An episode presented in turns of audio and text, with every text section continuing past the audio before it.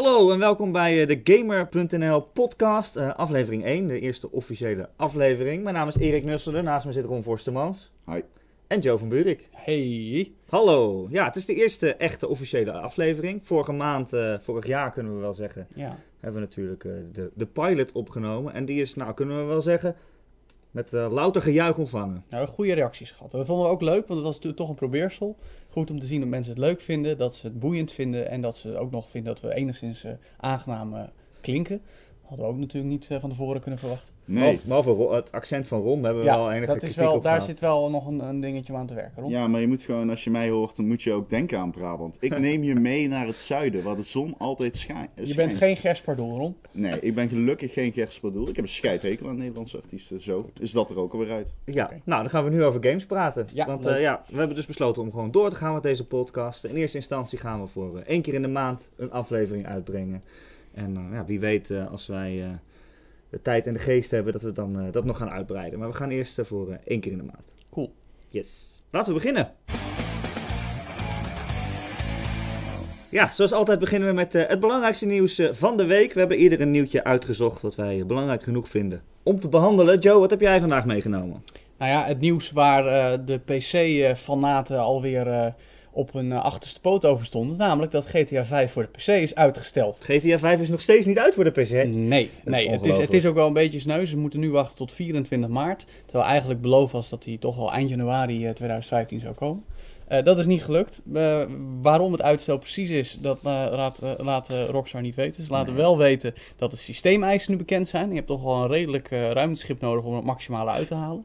Of gewoon een PlayStation 4. Ja. Over PlayStation 4, dat is namelijk nog het interessante. Een tijdje geleden lekte er ook iets uit van iemand die zei al de PC-versie te hebben ge- gezien of gespeeld. Dat hij zei dat het verschil eigenlijk niet zo groot is met de PS4-versie. Ehm, tegelijkertijd, het zal wel mooi zijn. Je kan natuurlijk 60 frames draaien als je een goede eh, processor hebt. Ehm, maar het is wel, wel een beetje sneu natuurlijk. Want eh, ja, die game is straks alweer dik anderhalf jaar uit. En ja, dan, eh, eind 2013 of zo. Wat was het? nou, september 2013. Dus dat is echt gewoon anderhalf jaar na oorspronkelijke release dat de PC-mensen pas aan de slag kunnen. ja, ik kan er niet rouwig om zijn, omdat ik vind dat als eh, Rockstar eh, weer eh, met een fiasco als GTA 4 op de PC op de proppen zou komen. Eh, Ja, dan, het dan, goed zou, eh, dan zouden ze daar nog harder op worden afgerekend door de, eh, door de community op de PC. En nu Sorry, een- wat was daar fiasco aan? Dat heb ik even gemist. Nou, die draaide echt als een hoopje poep gewoon. Oh, Nee, dat was echt een ramp. Eh, ik heb hem toen op de Gamescom gezien. En, eh, ik ook nog. heel- ja, ik vond hem best oké. ik vond hem ook oké toen. Maar toen draaide hand Nou ja, toen draaide hij waarschijnlijk op een kit van de ontwikkelaar zelf. En eh, mensen die hem kochten, die hadden gewoon heel veel moeite om te optimaliseren. En eh, dat was ook echt een crime. En de voorraad stond vol met klachten. En ja, nu willen ze dus duidelijk eh, in ieder geval zorgen dat wat in de winkels ligt gegarandeerd is van kwaliteit. En eh, dat kun je eigenlijk alleen maar toejuichen. Bovendien, het is maar... Maar hoe kan het nou anderhalf jaar duren om een spel wat al goed is Ja. Nou, op PC te krijgen? Weet je wat misschien nog wel interessanter is? Ik durf er eigenlijk gif op in te nemen dat die game eigenlijk gemaakt is voor de next-gen consoles. Ja. Eigenlijk iedereen die GTA 5 op de 360 of PS3 gespeeld heeft, wat toch eigenlijk wel bijna iedereen in de gamesgemeenschap is, want het spel is als een malle verkocht, hebben eigenlijk een spel gespeeld dat daarop niet echt tot zijn recht kwam. En daarom snap ik ook wel dat PC-fanaten die game heel graag willen spelen om het gewoon echt Ja, maar- technische, optima forma Het is echt de vraag die ik heb of er nou echt hoeveel PC-mensen er nu zijn die zeggen van "Oh, ik ga GTA 5 echt nog niet spelen. Ik ga Nou, wachten tot hij op de PC komt. En er zijn een hoop gasten die al hebben gewoon 80.000 een, miljoen keer verkocht. Ja, maar er zijn gasten die hebben serieus een console gekocht om GTA 5 Ja, te kunnen precies. spelen. Terwijl die dingen al op hun laatste benen liepen op dat moment. En die willen hem ook voor de PC. Ja, Dus maar laten die- we gewoon duidelijk zijn. Je koopt een dikke PC om dikke games te spelen. En GTA 5 is een hele dikke game. Dat is waar. En Maar bij ik- uitstek ik kan me niet, die ik kan me niet voorstellen Nou. dat je daar anderhalf jaar op gewacht hebt. Zo van nou, als, Maar wat als misschien hij wel, helemaal op PC komt, dan zou Nou, ik ik kan me wel voorstellen als hij komt, dan wil je hem meteen hebben. en wat nog wel belangrijk is, is de mod community. Die is altijd heel actief geweest bij GTA. Hm. Bij elke GTA Ja. op de PC is uitgekomen. Oh. Ook San Andreas destijds, Vice City. Eh, GTA 4 ook net zo. Er zijn ook hele vette dingen gemaakt. Ook races waarin je en parachuteerde en in een boot vaarde en in een auto. Zo, eh, ook hele triathlons. En, eh, Een auto vaarden ook? Nee, maar Oh. dat, je, dat je het echt nieuw. Dat je, dat je een race had op GTA 4 onli- on- online, zou ik maar zeggen, destijds op de PC. Waarin de mod community gewoon een, een, een enorme ordeal had gemaakt. En dat willen ze met GTA 5 ook denk ik heel graag doen. Want het is natuurlijk wel nou, de, de volgende stap met nog meer mogelijkheden. En ik ben ook wel heel erg benieuwd wat de mod community eh, allemaal gaat bedenken. Het is, het is gewoon gaaf om te zien wat mensen bedenken. Ja. Als je die creativiteit eh, Ja. Tuurlijk. Oké, genoeg GTA. Dat is toch een stomme game. ik heb Je snapt het niet, Erik. Nee, ik snap het gewoon niet. Ik, sinds GTA 3 vind ik er eigenlijk al niks meer aan. Stom Wauw. is dat, hè? Nou, Ehm, eh, ander nieuws dan, wat ik heb meegenomen, dat gaat over Hotline Miami 2. Eh, de indie game, maar hoog verwacht eh, dit jaar, in ieder geval hoog op mijn eh, verlanglijstje. En eh, in Australië is de game verboden. Iedereen die in Australië woont, die heeft pech, die mag het spel niet spelen. Ze hebben daar hele strikte eh, regels van wat je wel en niet mag tonen in, in entertainment als dit. Oh. En eh, het is gewoon te gewelddadig en te erg. En ik het, vind het zo grappig. het is zo... Ik vind het zo grappig, serieus. Het Ik is vind zo het treurig. belachelijk. Ja, dat- het is gewoon, stel je voor dat je er woont. Dan ben jij gewoon die guy die in dat land woont, die ergens gewoon totaal geen verstand van heeft. Hoe, Ja. eh, hoe erg straalt dat Het af is gewoon... ja, gewoon op, je, op, je, op je classification board? Het Ja, maar om- dat is om een- altijd al geweest. Dat, ik bedoel, ook een heleboel Rockstar games zijn ja, daar ja, niet meer Left. Left 4 Dead mocht daar Ook, niet... eh, ja, dat is gewoon, dat is... ja. de- de- Stel je voor dat, je in het echt ook zombies gaat eh, Ja, maar Nou, we leven joh. in een westerse wereld waarin dit soort shit toch niet meer van 2015 is. Waar gaat dit over? Het slaat niet eens ergens op. Erik, leg eens uit. Want je hebt het mij net uitgelegd. Hoe de... Ja, waarom het gaat dus om één bepaalde scène. Ja. eh, waarin eh, de man loopt een huis binnen. Hij slacht een paar mensen af. Nou, je kent misschien Hotline Miami. Dan verschijnt er zo'n hele grote plas bloed op de grond. Pixelig bloed, hè. Want het is gewoon een retro, eh, retro Ja, graphics. ja, inderdaad. Vervolgens slaat hij een vrouw tegen de grond. Mhm. Die ligt in een plas bloed. Je ziet haar rode slipje. Eh, hij gaat boven haar staan of zitten, een soort van hurken. Ja, je ziet het niet goed, want het is top-down. Ja. En dan eh, zakt zijn broek half af, dus je ziet zijn kont. Hè, dus er wordt mee geïmpliceerd dat die vrouw verkracht wordt. Ja. Terwijl er knijterharde techno afgespeeld wordt. En gewoon Yes. alles blokkerig is. Ja. En dat zo is ondergedompeld in een ja, verre van realistisch sausje. Gewoon Ja. totaal losgetrokken van alles wat iets realiteit maakt. Maar nu komt nog de punchline. Want, Ja, en de punchline, eh, dat zal die, die ratingsboard waarschijnlijk niet mee hebben genomen. Want op het moment dat, dat die vrouw bijna verkracht wordt, dan komt er dus een regisseur in beeld die zegt cut. En dan blijkt dat ze een film aan het opnemen zijn. Ja. Dus het is niet eens echt. maar Ja. zei- zei Dat niet, belachelijk? zei hij dat niet omdat die vrouw gewoon niet goed in beeld was? Kut. Ja. Oh god, jongens. nou, de Game.nl podcast aflevering 1. Nee, Anyway. maar even serieus. Ik, maar even behalve hoe belachelijk het Het- is, het is ja. ook gewoon een, een, een schending van vrijheid van meningsuiting. ik vind het vrij ver gaan. Ik, kom op. als er, een, als er een Nee. film, als er een film ja, uitkomt maar- die nee, gaat maar- over een kijk, vrouw die verkracht is in haar leven, dan moet je dat laten zien. ik ben geen cultureel antropoloog, maar in Australië zijn ze altijd heel erg enel met eh, dit soort dingen. Eh, al meerdere games die niet door de eh leeftijdsclassificatiekeuring zijn gekomen. Dus het verbaast me helemaal niks dat het Nee, het gebeurt. verbaast me niet, het maar het maakt me wel boos. Ik weet het, maar... Nou ja, waarom maak je je boos? Omdat, Ja, omdat het- het is gewoon... Hè, games zijn kunst, laten we er niet, niet eh, anders over oordelen. En op het moment dat je dat gaat censureren, dat jij gaat zeggen wat wel en niet mag. Ja. Kijk, als je er een leeftijdsding aan hangt, dan vind ik het prima. Als je zegt, Ja. alleen mensen boven de 18 mogen dit spelen. Want mensen jonger dan dat, die snappen dat misschien niet. Dat vind ik prima. Maar wie ben jij om te beslissen wat ik wel en niet mag spelen? Het nee, is, dat, ja. en bovendien, dit spel is niet een, een, een, verkrachtingssimulator. Nee, weet je laat ik het het is één kleine scène die niet goed begrepen Een tijdje geleden kwam die trailer uit van, eh, hoe heet die game ook weer? Hatred was volgens Ja, mij. Hatred. Een neonazi en Ja, ook van een ontwikkelaar van gasten die daarmee sympathiseren. Tenminste, dat werd geroepen. Ja. En eh, die natuurlijk ook een enorme storm kritiek krijgt. Mag zo'n game straks of, eh, legaal gespeeld worden van jou of niet? Ja, natuurlijk mag dat. ja, natuurlijk. Maar Ik ben het er Nee, niet maar mee ik ben eens. gewoon benieuwd. Ja. Ik ben het niet mee eens. Ik denk dat mensen gewoon eh, de kracht van de consument onderschatten om hun eigen keuzes te maken. Ik ben het er niet mee eens. Ik ben tegen nazi's. Mm. Dat Ja, lijkt ik- ik- vrij ik geloof algemene opvatting. ik ik dat zal die veel game, mensen dat wel ik zal die game niet kopen. En heel veel mensen zullen die game ook niet kopen. Nee. Maar ja, wie ben ik om te zeggen dat iemand anders dat niet mag doen? Zolang, zolang die game zelf niemand pijn doet. Ja. Nee. Nou ja, wat, wat mij dan wel intrigeert is namelijk de follow-up. De dag daarna kwam al eh, een reactie vanuit Denaton Games, de, de ontwikkelaar van Hotline Miami 2. Van eh, ja, download dan gewoon lekker de game illegaal. Ja, Dat is ook het is ook zo stom. Net alsof je iets tegenhoudt. Mensen die Tuurlijk. die game willen spelen in Ja, Australië, die kunnen er gewoon aan komen. Dat sowieso, maar het gevoel dat ik vaak bij dit soort dingen krijg is dat het eigenlijk ook wel weer hele slimme eh, marketing is. Want laten we wel zijn, Australië is een kleine markt. Het eh, land heeft een vergelijkbaar aantal inwoners met Nederland. Zo wat, dan mag die game daar niet legaal verkocht worden. Maar door deze hele heisa is de game alweer dusdanig op de kaart gezet dat een heleboel meer mensen overal ter wereld om gaan spelen. Want, goh, waarom zou die nou eigenlijk in Australië verboden zijn? Dat wil ik toch eigenlijk wel weten. Ja. Nou, we hebben het al uitgelegd. dus Achter de dat schermen gaan de champagneflessen, eh, die, die worden ontkurkt. daar. Bij eh, de uitgever. Ga daar maar vanuit. Het gaat om het, om het principe.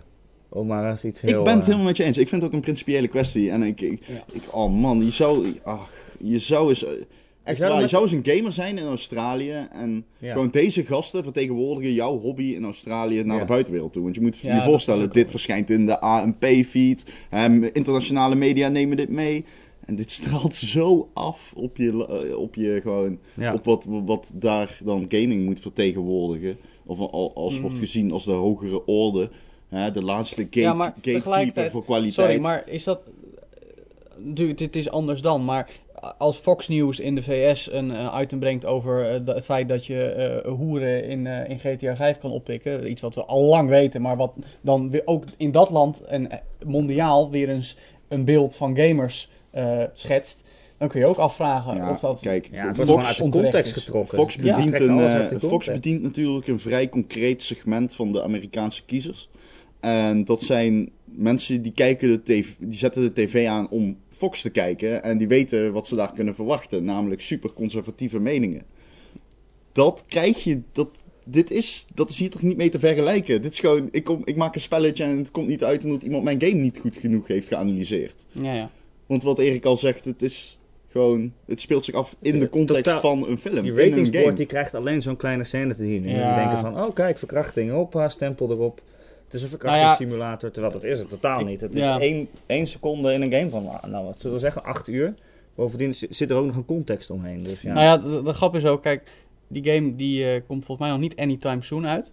En er wordt ook aangegeven dat de betreffende scène in een demo van de game die in 2013 verschenen al zat. Oh ja, dit is ook nog het mooiste. Want voordat die game begint, kan je, heb je ook nog de optie om te kiezen: wil je seksueel getinte scènes zien, ja of nee? Dus Nou, als je het niet hoe- wil zien, kan je ook nog nee kiezen. presenteerblaadje weer te hebben. Ja, en hoe geweldig is het dat zo'n Hmm. ontwikkelaar dan zegt download maar illegaal. Ja, maar- jongens, eh, jongens. eh, genoeg erover, want Goed. anders eh, Ja, word ik boos. Inderdaad. Ron, jij hebt ook nog eh, nieuws meegenomen. Ja, over Evolve. Die Evolve. komen, eh, er schijnt een, nou er schijnt, er komt een DLC pakket aan. Eh, we kennen ze wel, de Season Passes. eh, Ja. Even voor duidelijkheid, Evolve is een multiplayer shooter, ja, 4 een co-op 1. multiplayer shooter 4 tegen 1. Het heet niet voor niets Evolve. Eh, de een is een monster, die doet, neemt het tegen dat viertal hunters op. En eh, dat monster ontwikkelt, evolved. Ja. Naarmate die, die krijgt meerdere stadions. Ja. Waarin, eh. Een leuk concept. Ja, een leuk Ja. concept. Eh, dat, eh, wat, eh, wat nu dus getracht wordt te verpesten door middel van een Season Pass. Ehm, ik heb zelf twee Season Passes gekocht in mijn leven. Voor Titanfall, omdat ik dat een toffe game vond en ik wilde meer maps. Nou, voor 20 En euro 9 Destiny. maps. En En Destiny. Optie. omdat ik anders niet genoeg serotonine binnenkrijg. Ehm, kijk, het een nadeel aan dit soort dingen zijn... eh, kijk, als ontwikkelaar kies je hier nooit voor. Nee, dat is altijd uitgever marketingkeuze. Precies, en eh, in de statement, en ik ga hem voorlezen, ik, ik vind het geweldig. De, eh, de ontwikkelaar zegt dat ook zij geen invloed hebben op hoe de game verkocht wordt. Nou, quote. Uiteindelijk maakt Turtle Rock Studios games. We verkopen ze niet. We moeten onze uitgever vertrouwen om de beste keuze te maken over hoe de game verkocht wordt. Ja. AKA, wij hebben geen kut te zeggen. en als 2K zegt, nou jongens, eh 2, eh, Evolve eh, steken we heel wat geld in. Dat is een groot spelletje. Ja. En we zetten een grote marketingcampagne erachter. Kunnen jullie wel zorgen dat als die game uit is, dat we na die incidentele, die, die eerste piek van de sales op de launchdag, dat we daarna nog een traject hebben waarin we ook kunnen cashen. Ja. Ja. AKA een season Maar ja, pass. kijk, het is een game van het is- 60 euro. ja. Die season pass kost 25 geloof Ja, ik. Dan krijg je eh, vier nieuwe eh, poppetjes om mee te spelen. Ja. En dan kan je ook nog een monster loskopen voor Ja. 15 euro. Ik zou eigenlijk nog één stapje terug willen. Namelijk om even kort te schetsen waar het hele idee van Season Passes en DLC eigenlijk eh, uit vandaan is gekomen. Namelijk dat we de laatste jaren toch al met een soort crisis in de internationale game-industrie kampen. Waarbij eh, steeds grotere budgetten gebruikt worden om de games ontwikkelen. Die budgetten moeten terugverdiend worden. Daardoor moeten games duurder eh, gemaakt worden eigenlijk. Dat kun je niet doen door zomaar meer te gaan vragen. Nee. Dus wat is er effectief gebeurd? Tenminste, dat is een bepaalde benadering van het fenomeen. Dat stukjes game, lo- los van het feit of ze van de oorspronkelijke game afgehaald worden of daadwerkelijk later worden toegevoegd, voor extra geld verkocht worden. DLC, Season Pass, microtransacties eigenlijk ook in bepaalde zin. Ehm, dat hebben een heleboel games tegenwoordig. Assassin's Creed heeft last van, for Speed heeft het al jaren. Nou ja, last. GTA heeft het zelfs, Destiny heeft het. Dus het is absoluut niet iets specifiek voor Evolve. Waar ik benieuwd naar ben, Ron, jij hebt de game gespeeld, ik heb de game ook gespeeld. Is het iets wat ehm, de game gaat verpesten?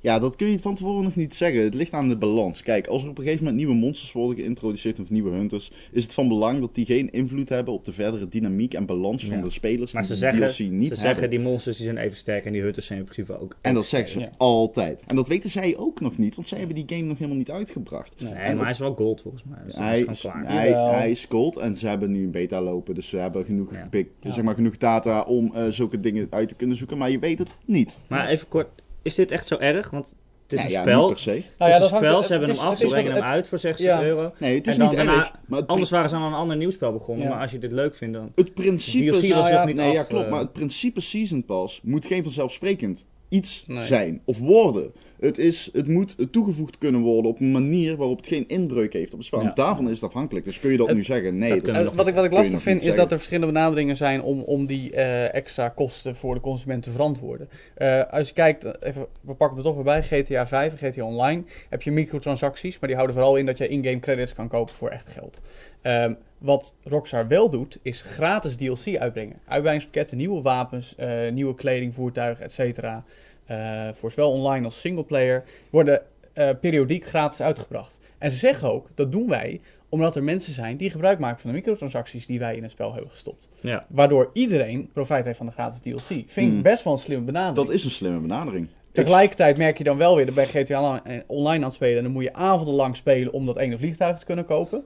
Terwijl je dat vroeger, toen we nog niet op deze manier te werk gingen, misschien in een normaler had. tijdbestek Ja. zou kunnen Ja, behalen. zeker. Kijk naar eh, wat FIFA. Ik, ik, ga, ik ga een bekentenis doen. Ik heb misschien, eh, misschien, eventueel honderden euro's in FIFA 14 gestoken. Serieus? Oh. Die Ja. Ultimate Team eh, Ja, ja, kaartjes, ja, Oh, mij. Ik, ja, ja, ik deed het met een soort van... het Part of the problem, man. Ja, I know. Ja, I'm, I'm part of the problem. Maar het, het was een soort van vriendengroep ding. En eh, ja, dan heeft opeens iemand Cristiano Ronaldo. En fuck die guy. Ja. Ik kom met Cristiano Ronaldo in vorm volgende week. Ja. Nou, zo makkelijk ligt het natuurlijk niet. Uiteindelijk na je gewoon eh, jezelf een oor aan. Ja, we kunnen er wel over oordelen, maar uiteindelijk als jij een spel leuk vindt en je hebt het ervoor over, dan wie zijn wij dan om te zeggen... Achteraf Ja. denk ik Nee, van, was waar. ik dronken? Nou, die kans sluit ik niet eens Ik heb uit. er toch lol mee gehad. Goed jongens, genoeg over DLC. We gaan verder, eh, want we hebben nog een hoop te bespreken. We gaan straks nog lezersvragen beantwoorden. Goh, ik heb Want die zijn binnen, of eh, luisteraarsvragen moet je dan eigenlijk zeggen. En, eh, Bezoekersvraag. bezoekersvragen. En we gaan eh, vooruitblikken naar Halo 5. Maar eerst eh, heeft Joe een cadeautje meegenomen en daar gaan we nu mee spelen. Ja Joe, wat, eh, wat heb je op tafel liggen? Ik heb op tafel liggen een nieuw Nintendo 3DS. Een nieuwe. Een nieuwe, ja. Nee, dat is de meest originele naam voor een stukje hardware in, eh, sinds mensenheugenis. Eh, maar Wat is er nieuw aan? eh, hij is eh, ietsje groter geworden dan de oude reguliere 3DS. Hij is eh, voorzien van een beter 3D-effect. met Oh, een- het 3D-effect is wel... ik, Ja, ik grotere heb niet kijkhoek. veel ervaring met de 3DS. Wat ik, ik, heb, ik heb hem nu net aangezet. Ik heb een thema geïnstalleerd waardoor je Mario muziek hoort. Hartstikke leuk. Ja. En Ehm, het idee-effect was altijd de klacht dat je moest er recht voor zitten, anders zag je het niet. En dat is Ja, nu Ja, verbeterd. dat ik Nee, het, is, het, is, het is verbeterd. De kijkhoek is wat groter. Dat Ja. komt ook omdat er een sensor bovenin het scherm ziet, zit, eh, of in de bovenste helft zit, boven het bovenste scherm, moet ik zeggen. Die eh, eh, jouw hoofd in de gaten houdt en, en ziet vanaf welke hoek jij kijkt, zodat het 3D-effect daarop wordt aangepast. Dat werkt best wel prima, moet ik zeggen. Het ziet er tof uit. Ik vind het mooi. Het ziet er best tof uit. Wat er ook zo is, bij de oude 3DS had je nog wel als je 3D aanzette, dan had je het idee dat de resolutie van het bovenste scherm in tweeën werd gehakt. En dat was ook een beetje zo. Dat Mhm. zo. En dat hebben ze nu weten te verdoezelen. Als in, je kan nu nog steeds schakelen tussen 2D en 3D. Maar op het moment Ja. dat je 3D hebt, dan heb je niet meer het idee dat je... Schuif hem eens helemaal open. Nou, zo. Klik. Wauw. Oké. Je kijkt er zo in. Ja, het is net een Ja, kijk. ja. Nou ja, bij sommige, sommige games... eh, Er zijn alleen geen games die er gebruik van maken. Ja, maar over... Nou, die zijn een beetje niemand. De- gebruikt de, dat de grap is, 3D-effect, als- Om even door te gaan op het 3D-effect, is dat toen de 3DS net uitkwam, waren eh, vier jaar geleden waren er een paar games die daar gebruik van maakten. Bijvoorbeeld zijn er nog wat verschenen, waaronder Mario 3D Land. Die hadden echt specifieke puzzels dat die ik 3D gebruikten. Dat was Ja. best aardig. Maar daarna is het ook door Nintendo zelf een beetje in de steek gelaten. Want de 2DS kwam uit, eh, voor een veel lagere prijs. Ook tegelijk een Pokémon, Oh, weer ja. heel veel 2DS. mensen daar op insprongen. Eh, en ik moet nog maar zien dat er games uitkomen die daar echt gebruik van maken. De grap is wel heel opstaand onder meer eh Majora's Mask 3D en Monster Hunter 4 geïnstalleerd. Die heb ik ook eh, gespeeld. En eh, over Majora's Mask kun je al een preview lezen op de site. Eh, en daarin Pluk, pluk. Is het 3D-effect wel weer heel mooi aanwezig, moet ik zeggen. Vroeger Maar, zet ik het vaak uit, omdat ik een beetje misselijk werd. En nu, Precies, dat wil ik net zeggen. Ik heb ook een 3DS, daar speel ik ongeveer twee keer per jaar op. ja, ik vond. Ehm, maar ik zet de 3D altijd uit. En iedereen die ik ken, die zet hem ook altijd uit. Want en de batterij gaat sneller leeg en, en het doet eigenlijk Nou, niet zoveel. batterijduur wordt niet heel erg eh, je veel hebt er eigenlijk niks hoor. aan. Nou ja, het is, het is voor de beleving. Het hangt heel erg vanaf welk spel je speelt. Ik heb bijvoorbeeld bij de launch kwam eh Ridge Racer 3D uit. ervoor. Ridge Racer. En dat was best wel een goede racegame. Eh en dat, het gevoel van snelheid werd ook echt wel verbeterd, of versterkt moet ik zeggen, door het 3D-effect. En dan is het wel leuk. Ehm, bij ja, een game als Zelda kun je afvragen of het heel erg veel verschil biedt.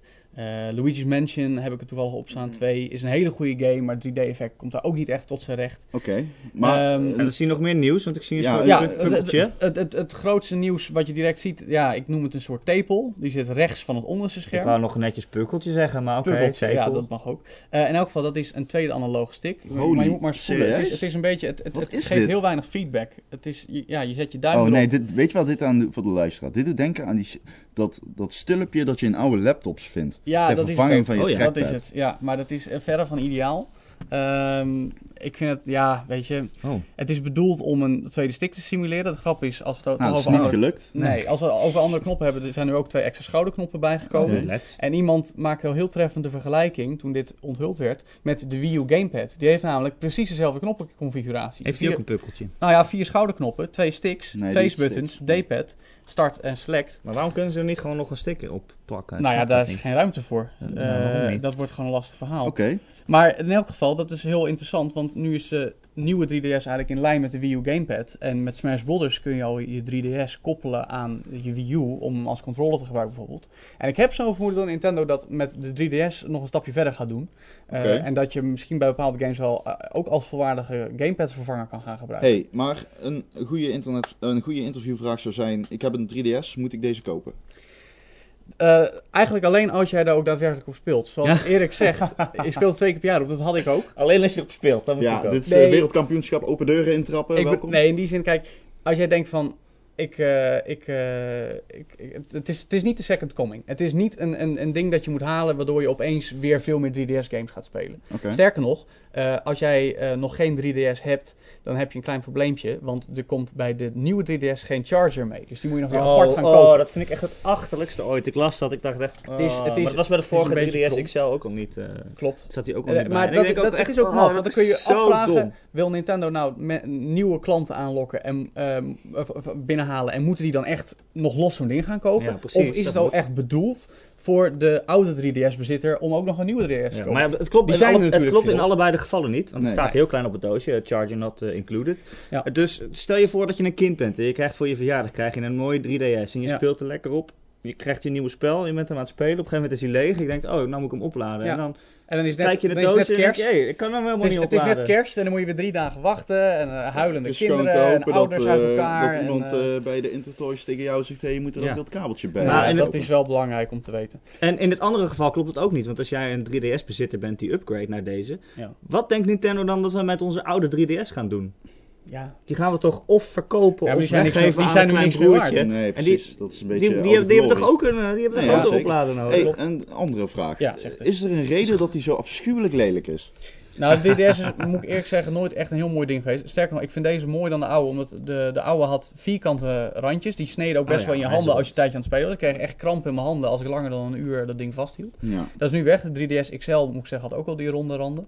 Ehm, ja, houdt is, van rondingen. de grap is ook, wat, wat nieuw is, is dat je nu faceplates kan monteren. We zien nu een hele mooie Mario op de achterkant van deze Ziet u dat, nieuwe 3DS. podcastluisteraar? Nou, wij zien hem wel, u ziet hem niet. Nou, hij is niet mooi, kan ik u op Hij- het hart drukken. Het, het gaat erom, er zijn nu faceplates voor dat ding De knik die loopt precies door zijn neus heen.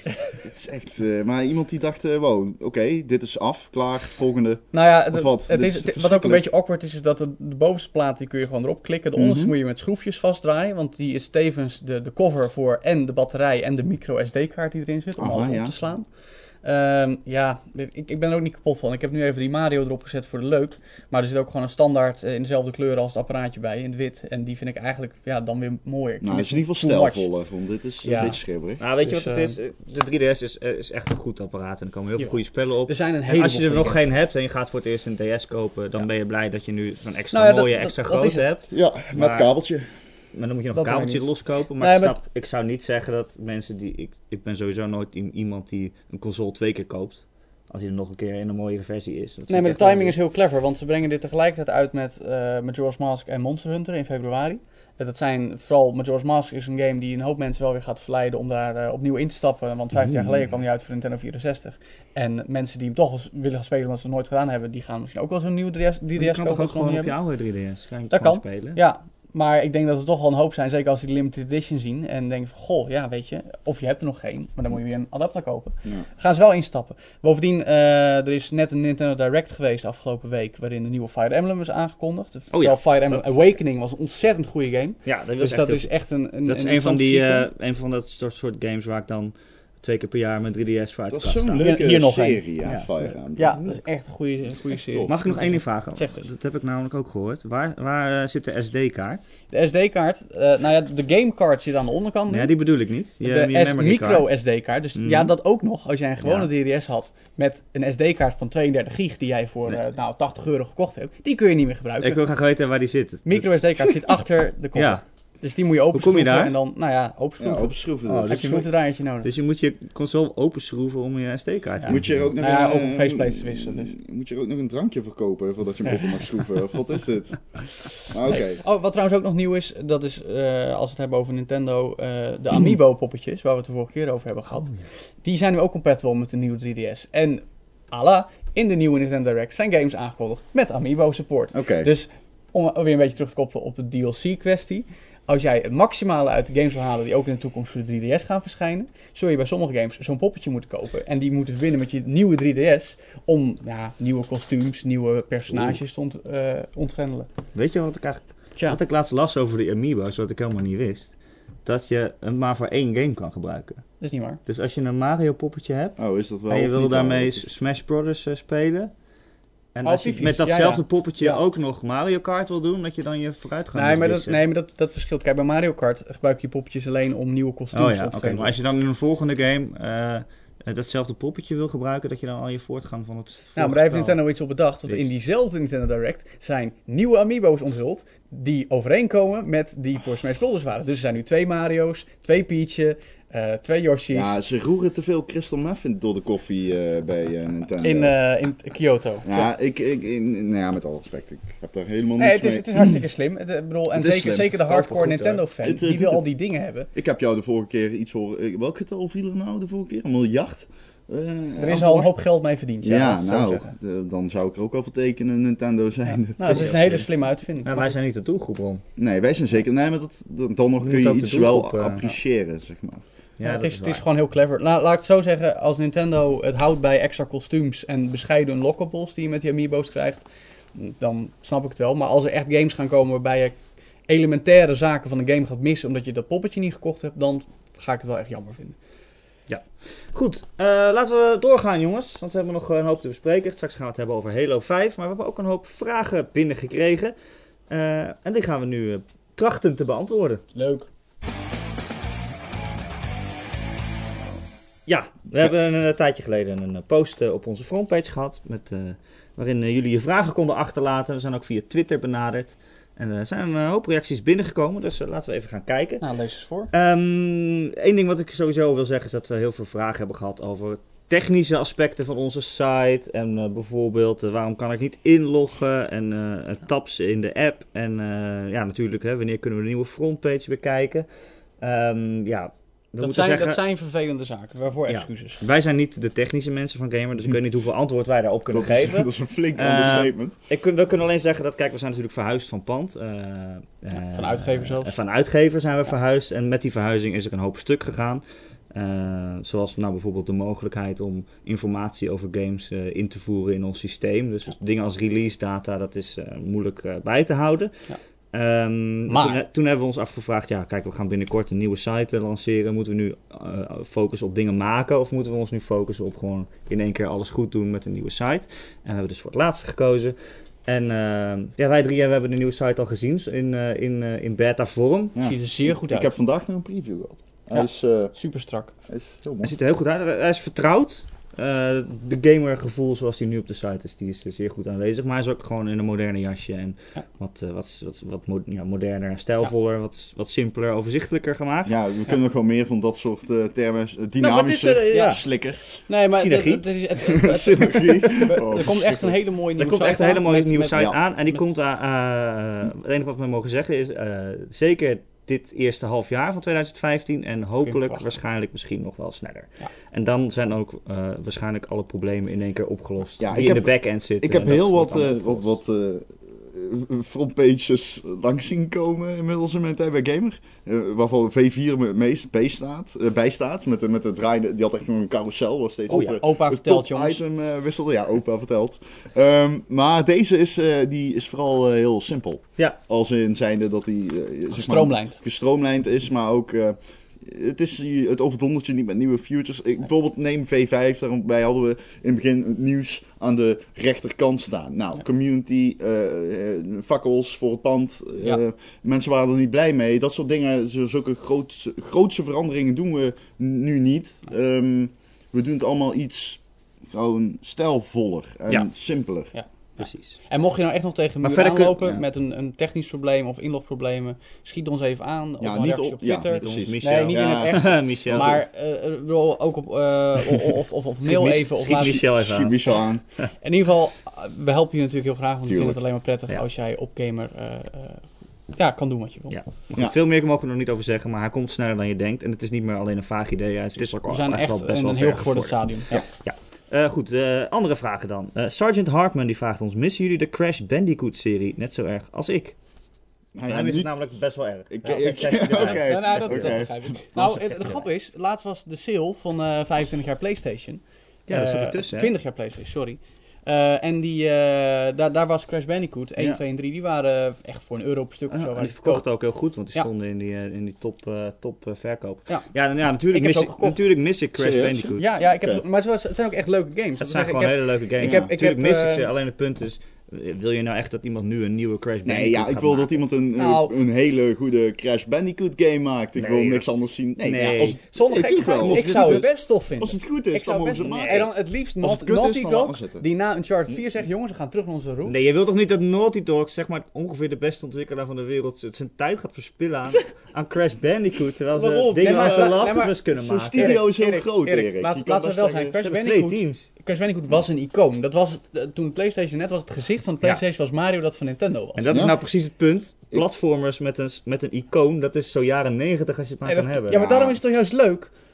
Sonic. Ik- jij degradeert het. Jij degradeert Crash Bandicoot naar zeg maar zo'n eh zo'n ochtendontbijtfiguurtje. Wat Ja. je in een commercial Ja, dat ziet. is het ook. Saturday Het is een- morning het is een mascotte ding. Ja, jij doet zeg maar je wat je dat op je pak cornflakes Ik- ik- vindt. ik- ik- zeg maar, ja. dat konijn. Zo dat is het ook. Jongens, ik, ik, ik wil. Crash. Just wie Crash. Oké. Oh, laten we even een politieke discussie van maken. Nou, wat vinden jullie nu van de wapenbezetting van de Nederlandse politie? Laten we het daar niet over gaan hebben. Ik Volgende denk dat vraag. Crash Erik. Bandicoot dat goed zou kunnen oplossen. Dat die- kan zijn volgende Die- avontuur die, zijn. Die draait gewoon een rondje en dan is het allemaal opgelost.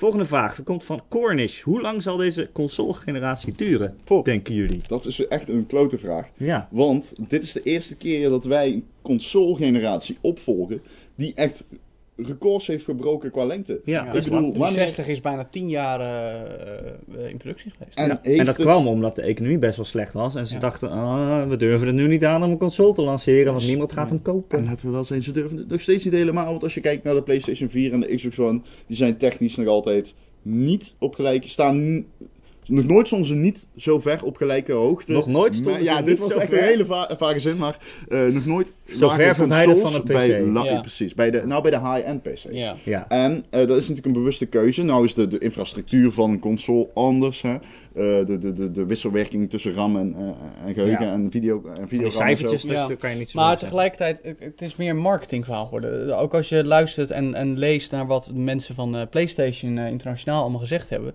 Dat zelfs de grote man Zelf zei, ja, ik zou eigenlijk niet weten waarom dat ding al 18 miljoen keer verkocht is, de PlayStation 4. Maar niemand En had ze zijn er zelf een beetje van verbaasd. Maar waar ik denk Niemand dat het komt, verwacht. ze hebben natuurlijk heel erg gebrand als een puur gameproduct.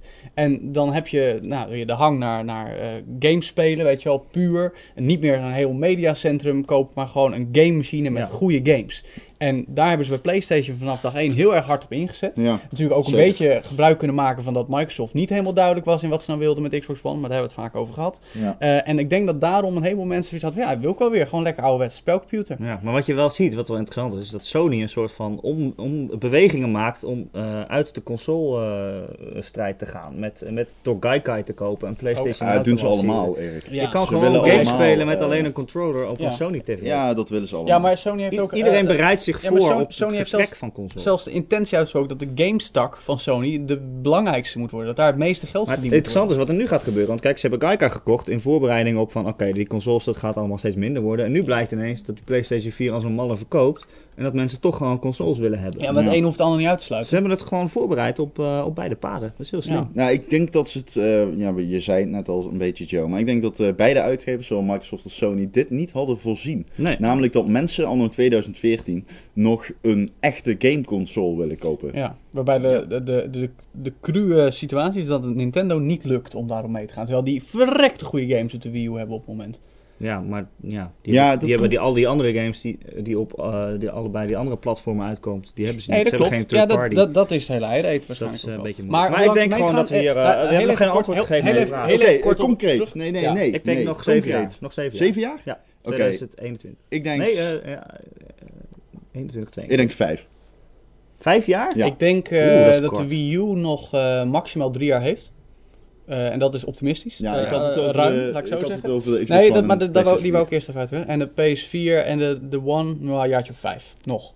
4. Oké, dus ik denk dat... zes. En dan, dan gaat, gaat er echt een nieuwe ontwikkeling losbarsten. Waarschijnlijk in de trant van Gaikai en streaming en meer devices. En niet meer per se het kastje onder je tv. Tenminste, niet zoals het nu. Precies, Ja. en ik denk dat de eerste stap richting dat platform gezet gaat worden door Nintendo of Sony. Ik denk dat Microsoft Ja. daar echt heel terughoudend in gaat zijn. Ja, ja. En ik denk ook dat de Wii U, de opvolger van de Wii U, ehm, in tegenstelling tot wat je van Nintendo zou verwachten, misschien al wel eens binnen twee jaar op de markt zou kunnen zijn.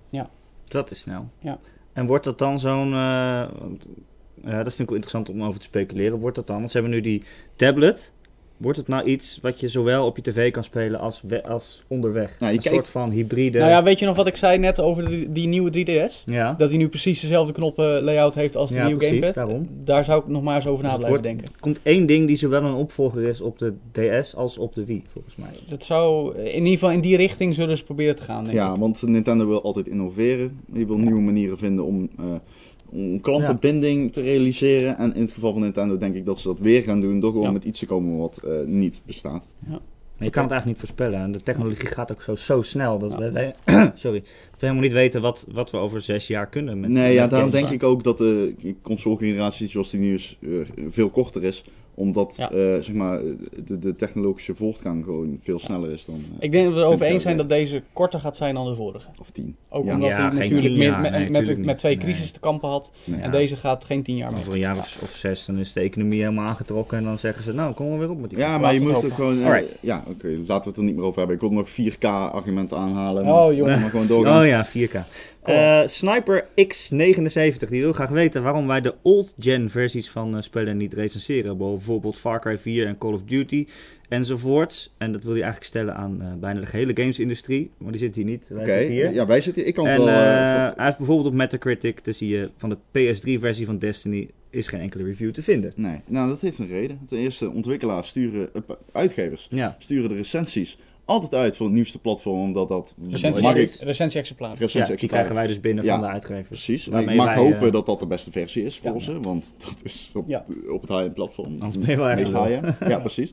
Ehm, dus dat. Maar wat ook een rol speelt, wij zijn journalisten. En journalisten willen gewoon eh, datgene spelen wat het tofste is wat op dat moment op de markt Ja. is. En dat zijn de next-gen versies. En die zijn Ja. ook het meest representatief voor het eindproduct. Precies. Ja. En ehm, als wij alles gaan benchmarken, ook nog voor de vorige generatie, dan moeten we met twee standaarden gaan meten. En dat wordt een heel moeilijk Nee. proces. Ja.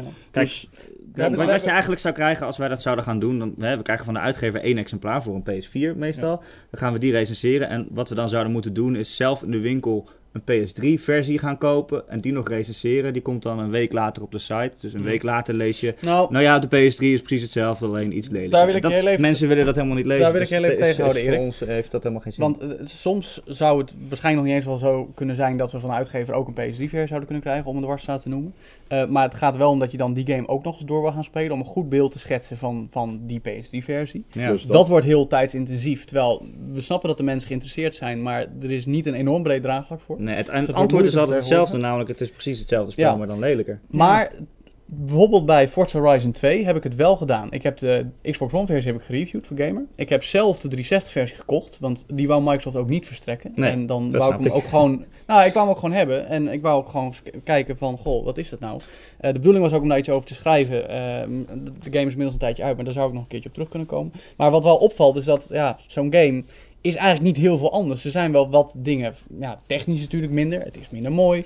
Eh, soms wat inhoudelijke versies, maar de verschillen zijn meestal te klein om daar echt heel diep op in te gaan. Dus ja, weet je, moeten we daar dan ook nog weer eh, onze aandacht aan besteden, terwijl we ook nog meer de nieuwe games kunnen belichten en daar nog meer gave verhalen Ja. over naar boven kunnen Ja, halen. als er een is- goede reden voor is, dan-. Als er een goede reden voor is, dan doen we het. Maar als we het niet doen, dan... Ja, waarom, waarom zouden we? Precies, Nou ja. dat alleen maar goed. En het eh, zal misschien bij uitzondering nog wel eens voorkomen. Ja. Maar dat hangt er net vanaf welke Ja. game het is. Nou, laten we nog één vraag doen. Eh Platina32, die vraagt... Welke game denken jullie dat boven verwachting goed gaat zijn in 2015? Ik had, eh, ik, eh, wist je, ik had eh, Dragon Age Inquisition. Ik had hem gewoon voorspeld. Ik zat laatst een IG-item te kijken. Waarin ik zei dat dit was de grootste verrassing van 2014 kon worden. Dragon Age, Ja, ja. En ik keek zo erin en ik wauw Ron. Jij Je met je glazen, je glazen Ron. Moet je, Glazen rond. Nou, Met bij deze ron. bied ik je weer een platform voor, Ja. je, voor je voorspellingen. Nee, want ik, eh, zit niet begint naar- wel een beetje gevaarlijk dicht in de buurt te komen van een zekere redacteur van PU die ook altijd voorspellingen doet. Word, je, word jij de... de, Oh, de, wie, de- wie, is, wie is dat? de- de- Oh, Jan. Ja, word jij de Jan van Gamer, Ron? Wauw. eh, nou ja, nee. Goed, Eh, welke game wordt boven verwachting ja. goed in 2015? Zeg het eens. eh, nee, dat vind ik een moeilijke vraag, want ik heb er nog niet over nagedacht. Ik probeer me even de top 100 eh, voor geest te halen. Ja. Ja. Nou ja, er is er één waarvan ik het hoop. Maar waar ik misschien wel niet zo Ga je nou weer Rainbow. Six zeggen? Ja, tuurlijk. Want er, gaat, er zal geen podcast zijn waarin het woord Rainbow Six niet valt, Erik. Daar kom je nog wel achter. Ja. Of Destiny, daar gaan we nooit van afkomen. Ehm, Ik speel geen Destiny meer. Maar Maar dat terzijde. de, de, de meest veelbelovende, de, de game die het meest gaat verrassen. Ja. Ehm, ik denk dat de nieuwe Zelda, daar verwachten we al iets nieuws van, omdat Nintendo dat heel duidelijk heeft gemaakt. Dat dat echt weer een andere benadering Dat van is geen Zelda verrassing als Zelda goed Nee, is. maar niet. Nou, kijk, de laatste Zelda's zijn wel allemaal wat traditioneel en conservatief geweest. Terwijl met de nieuwe willen ze echt een open wereld game neerzetten. Zoals we die van een heleboel westerse ontwikkelaars tegenwoordig ook kennen. Eh, met veel meer keuzevrijheid. En, en, eh, en Nintendo kennende, als ze iets nieuws doen, dan gaan ze daar ontzettend bovenop zitten. En daar heel veel energie in steken. En dan denk ik dat dat nog wel eens de beste game van het jaar zou kunnen Oké. worden. Eh, oh shit. ja. Ja, nu jij. Die overval ik jou zoals denk- jij mij. Ik denk, ehm, nou, wat zou ik zeggen? Ik denk dat Final Fantasy 15 aan het eind van het jaar uitkomt Ja. en ineens weer heel goed gaat zijn. Oké. Moet ik je eraan Niet op de traditionele Final Fantasy manier, Ah, maar gewoon.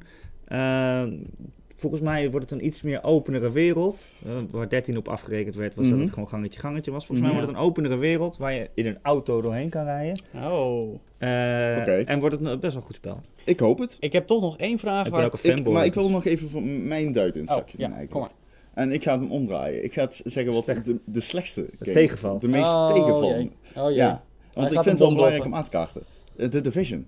Oh, Oh. Ik ja. denk echt dat dat een, een drollenbakker van je wel Nou, dat, Ja, het wordt gewoon een nee, achtje, maar denk Ron, ik. weet je waarom je dat denkt? Dat is omdat Watch Dogs tegenviel. Nee, dat komt omdat ik hem al twee keer gezien heb. En twee keer had ik zoiets van, eh, dit gaat niet goed jongens. Maar wat gaat er niet goed dan? Het, eh, het staat op losse schroeven. Het, Waarom? eh, het, het idee is gewoon niet concreet. Wat ga ik nou in die game doen? Ga ik, eh, is het een massa Nou, het is, massive open wereld? ja, het is wel weer een beetje zo'n actie-RPG MMO hybrid waarvan we nog niet weten wat er nou daadwerkelijk de bedoeling is. Bedoel je dat? Ja, ook en, of, dat. en of je nou elkaar live tegenkomt in de wereld of dat je elkaar moet joinen met een party van maximaal acht. Nou ja, in ik, kijk, bijvoorbeeld Destiny werd erop afgerekend dat het dat... eh, Destiny werd erop afgerekend dat het dat allemaal niet was. Ja. die game had wel een concreet idee. En vanuit die filosofie was dat spel gemaakt. Ik weet dat Division, of dat weten we trouwens, dat, dat is inmiddels, dat, dat staat op, dat is overal te lezen. Division is al een paar keer omgegooid. Er is Ja. een creative director ontslagen. Dan wordt er weer een nieuw team samengesteld met nieuwe mensen aan de leiding die dat, die dat product naar een hoger, eh, een hoger niveau moeten tillen. Ja. Ik zie die game en als gamer reageer ik dan met, eh, het was gewoon niet zo boeiend. De schietactie was niet tof, maar het is voornamelijk een shooter. Ehm, Eh, je, kunt een, Ja. je, je, je hebt een MMO insteek. Maar hoe die in elkaar steekt, nou, dat weten we dan nog niet helemaal.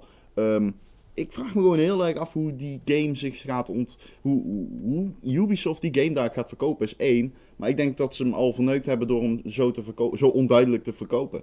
Dat denk ik echt. Ik, ik, ik zie er eh, gewoon ook op, afgaande op wat ik heb gezien... eh, ik voel er nog niet helemaal bij wat je van zo'n grote titel Nee. wel hoopt te verwachten. Maar Voor wanneer Hij is hij al- gepland dit jaar? Ja, eind, eh, ja, Eind, eh, eh, nee, eind geen datum, maar hij stond ook al voor eind vorig jaar gepland. Dus hij is ook Ja, wel uitgesteld. En we Maar, ja. eh, Het is wel een game die het uitstel hard kan gebru- kon gebruiken. ja, precies. En het is wel, laten we wel zijn, toch nog wel een van de meer geanticipeerde titels van 2015. Ja, Ja, maar dat begint te is een- zakken hoor. Je Ja, ziet ook begint vorig jaar hadden wij hem bijvoorbeeld op 1 in de top Ja, 100 nee, toen we vooruit keken. Ja. En nu stond hij op 8 of zo. Ja. Ja, maar dat- Mensen, mensen, zijn, mensen zijn in plaats van, ja, ik wil hem graag, laat maar zien. Zijn ze nu van, oké, klinkt cool, maar ik wacht even Laat af of het wel werkt. zien of het echt... en dergelijke. ik heb hem eh, op, toen op de Gamescom gezien. En ten eerste, het was gewoon niet mooi. Het was grafisch echt gedateerd. Ja. En dan, als, het- als je dan ja, ze hebben nog een hele tijd om eraan te sleutelen. Ja. Nou ja, de, de komende E3 gaat wat dat betreft ook scherprechter worden voor die game. En een heleboel andere natuurlijk net zo. Maar, Ja. eh, heb ik toch nog één vraag, Erik, die mij prikkelde. En die ik toch nog eventjes Oh, je aan ons allen iets wil stellen? Ja, die is van eh, GX Black 1. En die vroeg, wat zijn jullie, of wat waren jullie grootste faalmomenten tot nu toe bij Gamer.nl? En opa vertelt Ron. Forstemans, die weet denk ik daar wel de leukste anekdote over op te lepelen. Ja, wij- ja, dan, eh, dan- ja, er zijn absoluut wel grote faalmomenten geweest. Ja, doe nou ja, even. gisteren is bijvoorbeeld een artikel eh, eh, online verschenen met eh, de onderkop hashtag YOLOSwag. Ja. Wat misschien mijn schuld was, maar anderzijds, het Ja. was maar een placeholder. Maar goed, Ja. dat, dat, dat zijn van die dingen die, die, die, Tikt even glip- snel wat die, neer die dan, glippen er wel eens tussendoor. Maar ik bedoel echt off-the-scale dingen, Ron. Kom op, jij hebt er wel een paar die je met ons wilt delen. Of in ieder geval eentje. nou, en ik... Even iets leuks dat de mensen niet weten. Nee. Geef, geef ze een reden. Ik vind het echt moeilijk. Ik vind, ik vind het best moeilijk om een, eh, concreet voorbeeld aan te halen van dingen waarin wij echt gefaald hebben. Nee, maar Nou, per, per persoonlijk. Oké, persoonlijk. Was je een keer ergens of Het is zo? misschien. of- eh, oh ja, ik, eh, qua persstrips heb ik heel wat eh, momenten die ik hier niet kan vertellen. Kan je Nee, vertellen. maar oké. Ehm, laat, ik, eh, laat ik één ding aanhalen waar, ik, eh, waar nog vaak naar gerefereerd wordt door de gebruikers van Gamer.nl. Dat is mijn Modern Warfare 2 recensie. Oh, ik heb ja. die game namelijk een 10 gegeven. Oef.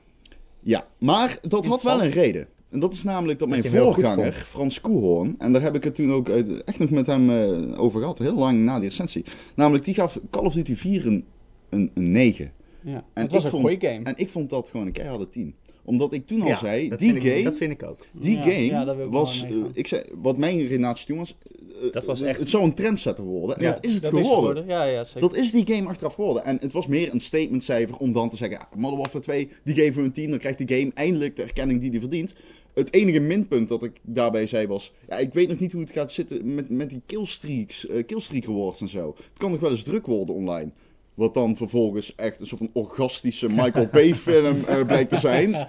Wat ik dan ook niet weer had voorzien. Ja. Eh, dus in die zin stelt wel teleur. Eh, dat, dat zou je een faalmoment kunnen noemen. Maar ik vind wel, eh, wat ik nu al zeg, het was meer een, een statement. En in die zin sta ik er misschien ook nog wel achter. Eh waar het niet dat die serie zich in mijn optiek een beetje slecht ontwikkeld heeft. ja. Ja. Eh maar grootste faalmomenten verder, eh, ja, dat is in ieder geval eentje die mij persoonlijk opdraagt. Ja. Erik, ja, ik kan niks verzinnen eigenlijk. je bent perfect. Nee, ik ben niet perfect. Ja, pff, jeetje. Ja, ik, heb, ik ben natuurlijk eindredacteur, dus ik zie wel eens wat dingetjes langskomen. Ja, maar die worden Bu- verbeterd buiten, meestal. buitenaardse planeten, bevroren ja, ijs, ja. dingen. planeten. Dan Ja, denk je, ja, jongens, eh, we zijn, we zijn freelancers, hè? Ja, Dat is nee, leuk. Nee, maar Erik, heb, heb je niet het moment dat je bijstaat eh, van, goh, dat... eh, Maar dat doe ik ook altijd in het zakje trouwens. Maar goed, nee. Nee. ja, Nee. het is ook moeilijk hoor. om- Ja, dat klopt. dat De faalmomenten Nou, verdring je natuurlijk. De faalmomenten, daar hebben we ook eindredacteuren voor. Die dat gewoon, gewoon eh Die, die vegen onze troep op. Ja, dat, is, dat is wel echt Ja. zo vaak. Nee, Ik heb wel vaak dat er gewoon eh, aan de linia gewoon eruit wordt gesloopt omdat het niet helemaal klopt. Of, eh, Ja, daar heb ik persoonlijk ook wel eens een handje Ik, van. Ron die had het net, ja, jou, jou- jouw verhaal, het sloeg natuurlijk op een cijfer. Ik moet zeggen, ik heb ook één game waarvan ik af en toe eens denk, die had ik lager moeten geven. Dat is geen enorm faalmoment, maar ik heb Grid 2. Heb ik een 8,5 gegeven. En dat is nou niet zo wereldschokkend. Maar zeker als je het vergelijkt met de, het racegenre, waar ik dan toch wel iets mee heb, dan had die game gewoon veel minder moeten krijgen. En er zijn ook wel mensen die zeiden van ja, maar dit zit er niet meer in. Je kan niet met formuleauto's rijden en het is allemaal veel te arcade en, en het is niet mooi. En ik was zo in trance omdat er mooie motorgeluiden in het spel zaten en omdat ik lekker kon Ze driften. hadden je en te pakken. ze hadden me een beetje te pakken. Hey, Weet je het- eh, was wel een beetje faal. In, in, dat, in, in, in die categorie, het enige wat ik kan bedenken is dat ik eh, Last of Us Remastered een 10 had moeten geven. In plaats van een 9,5. Serieus? Vind je? In de tijdsgeest vind ik het een 9,5. Ja? Ja. Nee, ja, maar eh, ik, ik vind gewoon de, de Last of Us, de gewone vond ik een 10. Ja, maar ook. degene die die had gereviewd had het me een 9,5 gegeven. Ja. En ik heb de remastered versie gedaan, dus ik dacht ik geef gewoon hetzelfde cijfer Ja. die er al stond. Hey, Eigenlijk vond ik dan, vind ik dat om- ook. laten we het dan omdraaien. Op welke game die jullie gerecenseerd, op welke recensie zijn jullie het trotst? Oké, Eh, nou, dat Thief. wordt dan de uitsmijter voor dit. Steve? eh, Thief. Thief. Nee, we moeten Thief. hele vijf nog. Ja, ja, ja, nee, maar voor dit segment. Oh, voor dit segment. Eh Ehm, Thief was ik wel heel ehm, trots op. ehm, Oké, ehm, want? Want eh, eh, volgens mij, als ik dat teruglees, heb ik heel goed eh, Als de, je zegt de vinger op erop kunnen leggen. Ik wist dat je dat... ik heb ik heel goed de vinger erop kunnen leggen over waarom die game zo kut was. Oké, dat is duidelijk. Eh, over allemaal kleine. Weet je, je, dat spel kan je gewoon bijna niet beschrijven wat er zo slecht aan is. Maar door een opsomming van heel veel kleine dingen die gewoon niet kloppen. Ja, dat, dat heb je vaak zonder delen gevalletje. Ja, precies. Oké. En door dat een beetje, in, ook in een vloeiend verhaal, met een lekker ritme, door dat allemaal een beetje achter elkaar op te schrijven. Ja. Ik heb echt zitten schelden Ja, op die game. Het is Echt. vaak ook, als je dit soort vragen aan een recensent stelt, komt hij altijd met een recensie waarbij die kritisch was. Dat ga ik ook doen, dat is logisch. Dat Nou, betekent Ja, dat je toch wel... Nee, Nou, nee, bejubelen, niet per se. dingen die ik bejubeld heb, daar ben ik ook vaak Ja, ik vond hoe mooi je dat op kan schrijven. Nee, dat is zeker waar. Eh, ik, ben, denk, ik, ik weet wel één. Eh, Brink van Splash Damage. Brink. dat die een, internationaal heel hoog scoorde. Mijn collega van eh Inside Gamer heeft een 8,5 gegeven. Ik volgens mij een 6. En ik, ik, ik was super positief over de game. Maar ik voelde gewoon aankomen, dit gaat hem niet worden. En het was echt een samenraapsel van losse ideeën dat nergens meer over ging. En er zat heel weinig content in. En ik vond dat hadden wij op Gamer, ja, had ik in dit geval goed geanalyseerd. Totdat zeg maar zo in, in perspectief te plaatsen van hoe gaat dit zich op de lange termijn ontwikkelen. Niet. En dat heeft het ook, dat heeft het ook niet gedaan. Nee, dat is ook niet Nee. echt een spel wat veel indruk Ja, maar heeft heeft het wel eh, heeft het, eh, heeft best goed gedaan, Brink. Echt waar. Ja. De Ja, maar recensenten... niemand- heeft er nog is over. niet zo'n eh, Nee, ja, nee. Die Nee, game, die is is bijgebleven. die game was oprecht Ja. niet goed. Ja, heb jij nog iets waar je trots op bent? Nou, toevallig, eh, als het over remastered had, jij had net eh, als dieptepunt dat je mijn 10 had moeten geven, Last of Us. Eh, ik had dan de heruitgave van GTA 5 voor de PlayStation 4 eh, eh, in november, dus wat recenter. En ehm, ik was een van de gelukkigen, zoals het dan gaat, die eh, die game voor het verstrijken van het embargo en dus Mhm. de release mocht spelen. Dat Ja. altijd maar een heel select aantal over de wereld. Het wordt, je wordt nog net niet door Rockstar gescreend, maar er gaat best wel een hoop aan vooraf. Eh, en toen mocht ik hem spelen en eh, toen had ik de review en daarin had ik toch al, was ik vrij diep ingegaan op hoe het first person eigenlijk gewoon niet echt werkt daar. Het is leuk, maar het, het, is het gewoon niet. En een heleboel recensies was, ja, het is geweldig en innovatief en het kan, eh, eh, kan, kan strijden met shooters. En nou, dat, ik, dat was wel een recensie van ik dacht van, ja jongens, eh had je toch nog iets meer moeten spelen. En Ja, daar vond ik toch wel ja een ik kan je vertellen van wat echt tergend is, is hoeveel recensenten schietspellen recenseren, recenseren, maar niet kunnen schieten. Ja, Ik heb dat- Call of Duty trips gedaan, dan haal ik ratio's van 30-2 en dan zit er zo'n gast zeg maar, naast me en zegt, ah ik vind het zo leuk. En ze dan 0-15. en die weet gewoon niet wat die... Snap, snap je? Dan, Eh, dan kun je zo'n ja, competitieve shooter ook niet in perspectief Dat is plaatsen. dus dat ik een racer zou gaan eh, reviewen. hey, heb jij niet ooit iets over Blur geschreven, Erik? Ja, maar dat was geen recensie. Dat was gewoon dat was een beschrijving Anyway. van hoe kut, hoe kut ik het eh. Dus je, snapt het, het je snapt het niet. Ik snap het niet. Laten we doorgaan jongens, we zitten al best wel aan de tijd. En we willen het nog graag over Halo 5 hebben, dus Oh let's go. We gaan ook nog even vooruitblikken, dat vinden we fijn om eh, zo te doen. Aan het eind van een aflevering. Ja. En eh, we gaan het dit keer hebben over eh, Halo 5. ja, de multiplayer Ron, battle. over je glazen bol gesproken. Oh, Hoe is het met. Halo 5? Ik stof hem even af. Nee, ik heb eh, inderdaad het, eh, de, afgelopen week best wel veel gespeeld. Ik ben best wel een Halo-fan in dat opzicht. Ik hou en je van kan ook schieten. Ik kan best wel een potje schieten. Ehm, het, het is leuk om eh, te spelen. En eh, dat was eh, Halo 4 uiteindelijk niet. Dat vind ik wel een heel goede conclusie. Dat is Ja, wel een goede ja. boxquote. Nee, Maar het is leuk om te goed. spelen. Ik ben, ik ben Forster. een redelijk Halo noob. Ik heb wel wat Halo gespeeld in mijn leven, maar het heeft me nooit echt kunnen boeien. We hebben nu net die, die Master Chief Edition gehad eh, afgelopen najaar, waarin ze allemaal zaten Ja. tot nu toe. Mhm. En nu komt 5 aan. Ja. Leg mij nou eens even een paar zinnen uit als semi-leek waarom Halo 5 zoveel anders geweldiger beter wordt. Oké, nou, eh, dat is misschien... Oké, laat ik het zo zeggen. Halo, eh, Halo betekent rondje in principe. Hè? Dat is heel ironisch. Want Halo draait eigenlijk om een driehoek. Namelijk de driehoek van schieten, granaten gooien en slaan. Ja. Dat is de basis van Halo. Ja, Erik Ga verder, ga verder, ga verder, ga verder. Ja, dat was een, eh, was een heel goed bruggetje ook. Maar ehm, dit, dus die basis, die kern, die fundering, die ligt er nog steeds. Dat is in Halo 5 niet anders. Ja. Ehm, er zijn wel dingen aan toegevoegd. Je hebt sportende abilities, je kunt dashen, je kunt hoger springen. Eh, dat soort dingetjes, eh, die, die, die, die vullen zeg maar de kern aan, zonder dat de gameplay, die super competitief is van Halo, verwatert. Dus wat je hebt is eigenlijk een shooter die iets meer aansluiting vindt bij Call of Duty. eh, in die zin dat het 60 eh frames per seconde is. Eh, mensen gaan snel, sneller dood. Dus het draait. ja, het is, in die, het is korter. De actie is korter. Moet ik zeggen. ehm, iets, iets meer een arena shooter is het. En dat is Halo eigenlijk. Van origine is Halo dat ook. Ja, Plus- Halo 2, wat heel groot was in multiplayer. Ja. En Halo draait ook natuurlijk om map control en om Ja, weapon control. En dat soort dingen zitten weer helemaal in. Dat je echt eh, ziet dat teams eh, de sniper bewaken. Om dus als eerste de sniper te pakken in een potje Team Slayer. Het is weer echt competitief. Maar is dit En wat Halo in die 4, zin op Halo het dus 4 kwam terug. daar eh, heel veel kritiek op volgens mij. Ja, en, maar dat. Halo 4 was dus zo'n spel waarbij een ontwikkelaar denkt, nou oké, hoe gaan we dit, hoe gaan we dit eigen maken? Ja, Maar je kan zoiets best wel eigen maken zonder dat je de kern van die, wat de fans zo waarderen, zonder dat je dat verwaarloost. En eh, Halo 4 is dus een goed voorbeeld van een game die door alle dingen die eraan toegevoegd zijn te ver aflag van wat Halo is. En wat je heel veel mensen nu hoort zeggen online is van, nou dit is niet meer mijn Halo, het is gewoon Call of Duty. Maar ik ben het daar niet mee eens. Ik vind dat Halo juist is teruggekeerd naar die competitieve kern van de gameplay en dat het daarin juist weer een echte waardige Halo shooter is. Ja, die dus leuk is om te spelen. Het, het, eh, het doet ook concessies volgens mij. Want door eh, bijvoorbeeld dat je kan inzoomen als je, als je richt. Ja, Dat, dat, is is toch een concessie iets, naar een eh, Call of Duty Dat, spelen. is zeker, dat, is- dat zou je zeker een knieval richting die community kunnen noemen. Ja, dat- daar ben ik het wel mee eens. Anderzijds, je kon wel met meerdere wapens inzoomen in Halo games. Nu kun je dus met alle wapens inzoomen. Ook met de Needler, ook met de, met de Assault Rifle. Dat is een beetje raar, dat is ook wel zo. Eh, maar het is ook, misschien ook wel gewoon wennen. Want ehm, nog steeds speel je Halo... Ik, bijvoorbeeld, er is een, een, een remake van de map Midship. Zit, die zat ook in de beta. Dat was een van de eerste twee maps. En die is nog steeds super tof om te spelen. Maar hij speelt anders. Wat je nu ziet is dat spelers die bezetten een soort van zeg maar twee teams van vier. En dan één team van vier bezet dan een segment van de map. Waarin ze dan, ja, omdat ze juist kunnen inzoomen, kun je met die DMR en die pistol en die battle rifle, die echt nog nooit zo heerlijk aanvoelden in een Halo game. Kun je niet zo'n heerlijke gewoon op afstand zo effectief zijn. Je kunt die headshot zo heerlijk geven. En Halo 4 had dat ook. Maar omdat je nu dus meer die, dat ar- arena shooter feel hebt. Met kleine maps en eh, mensen sneller doodgaan. En gewoon die eh, korte mette actie noem ik het maar even. Eh, ja, de flow is heel erg die van een echte Halo shooter. En eh dan kan je wel zeggen, ja, er zit ADS in, naming down the site, hè, wat COD ook heeft. En dat is waarschijnlijk ook wel gewoon de opdracht geweest van Microsoft van maken ze een shooter eh, die goed verkoopt. Dus dan kom je uiteindelijk toch wel uit bij Nou, COD. dat heeft hij ook wel nodig, Xbox One.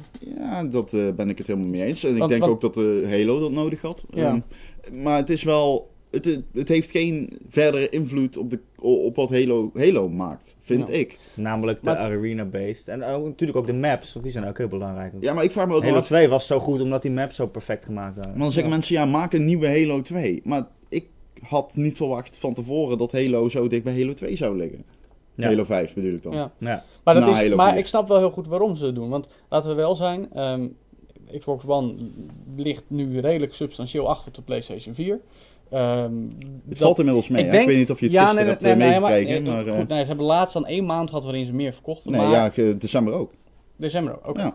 In elk geval, er is nog steeds wel een, een behoorlijk gat. Ja, En dat, gaat moeilijk worden om dat nog binnen afzienbare tijd te overbruggen. Mhm. Ik denk dat de laatste goede kans om nog aanzienlijk in te lopen Halo 5 is. Ben je het eens? nee, ja, of een goede E3. Ja, oké, als we met echt verrassing komen. Maar Halo 5 is in ieder geval, op, voor zover wat we nu weten wat eraan komt, een eh, belangrijke, misschien wel last stand om uh, zienderoog in te lopen op PS4. Ja, weet ik niet. Ik denk dat Halo Ja, 5 vooral een, eh, een, een, een stokpaardje is waar je altijd je geld op kan inzetten. Jawel, maar dat, dat bedoel ik dus. De, de- die, die game, ik proef van jou, dat wordt weer echt gewoon Halo wat Ja, Halo ik denk dat maakte. mensen hem onderschatten. Ik, eh, Ja. ik merk een beetje, eh, zeg maar, wat ik online proef bij mensen, is dat mensen nog niet het gevoel hebben dat dit eh, de, de reboot gaat zijn waar... eh, Die we nodig hebben. ja, maar dat gaat denk ik wel worden. Dat, maar dat is misschien een grof statement, maar dat denk ik. Oké, dankjewel Ron. Ehm, ja, we zijn er doorheen. We kunnen we al eh, afsluiten. Dit was eh, de eerste echte aflevering van de Gamer.nl podcast. Ik dank jullie wel, Joe en Ron. Graag gedaan. Eh, ja, zoals gezegd, eh, we gaan eh, één keer in de maand eh, opnemen. Dus eh, halverwege februari zijn we weer terug. We horen graag jullie reacties. Die kun je achterlaten onder het bericht eh, waar je deze podcast hebt gevonden. En te zijn de tijd weer leuke vragen. Ja, en je kunt ons ook bereiken via Twitter. Ja, de twitters. Ik ben Ed Erik Nusselder. Ed Joe van Buurik, toch gewoon? Ja, en Ed Ron schrijft. Ja. Ron schrijft, dat was Ron hem. schrijft. Maar misschien Hij moet- hij Forstemans. Ron- toch? Misschien Ron moet ik het niet veranderen naar Ron Podcast het. En Ron podcast het. Goed. Ja, en eh, tegen de tijd dat we weer gaan opnemen, zullen we ook weer eh, nieuwe vragen van jullie vragen. Zeker. Ehm dankjewel voor het luisteren en eh, we zien jullie snel weer op gamer.nl. Yo. Doei.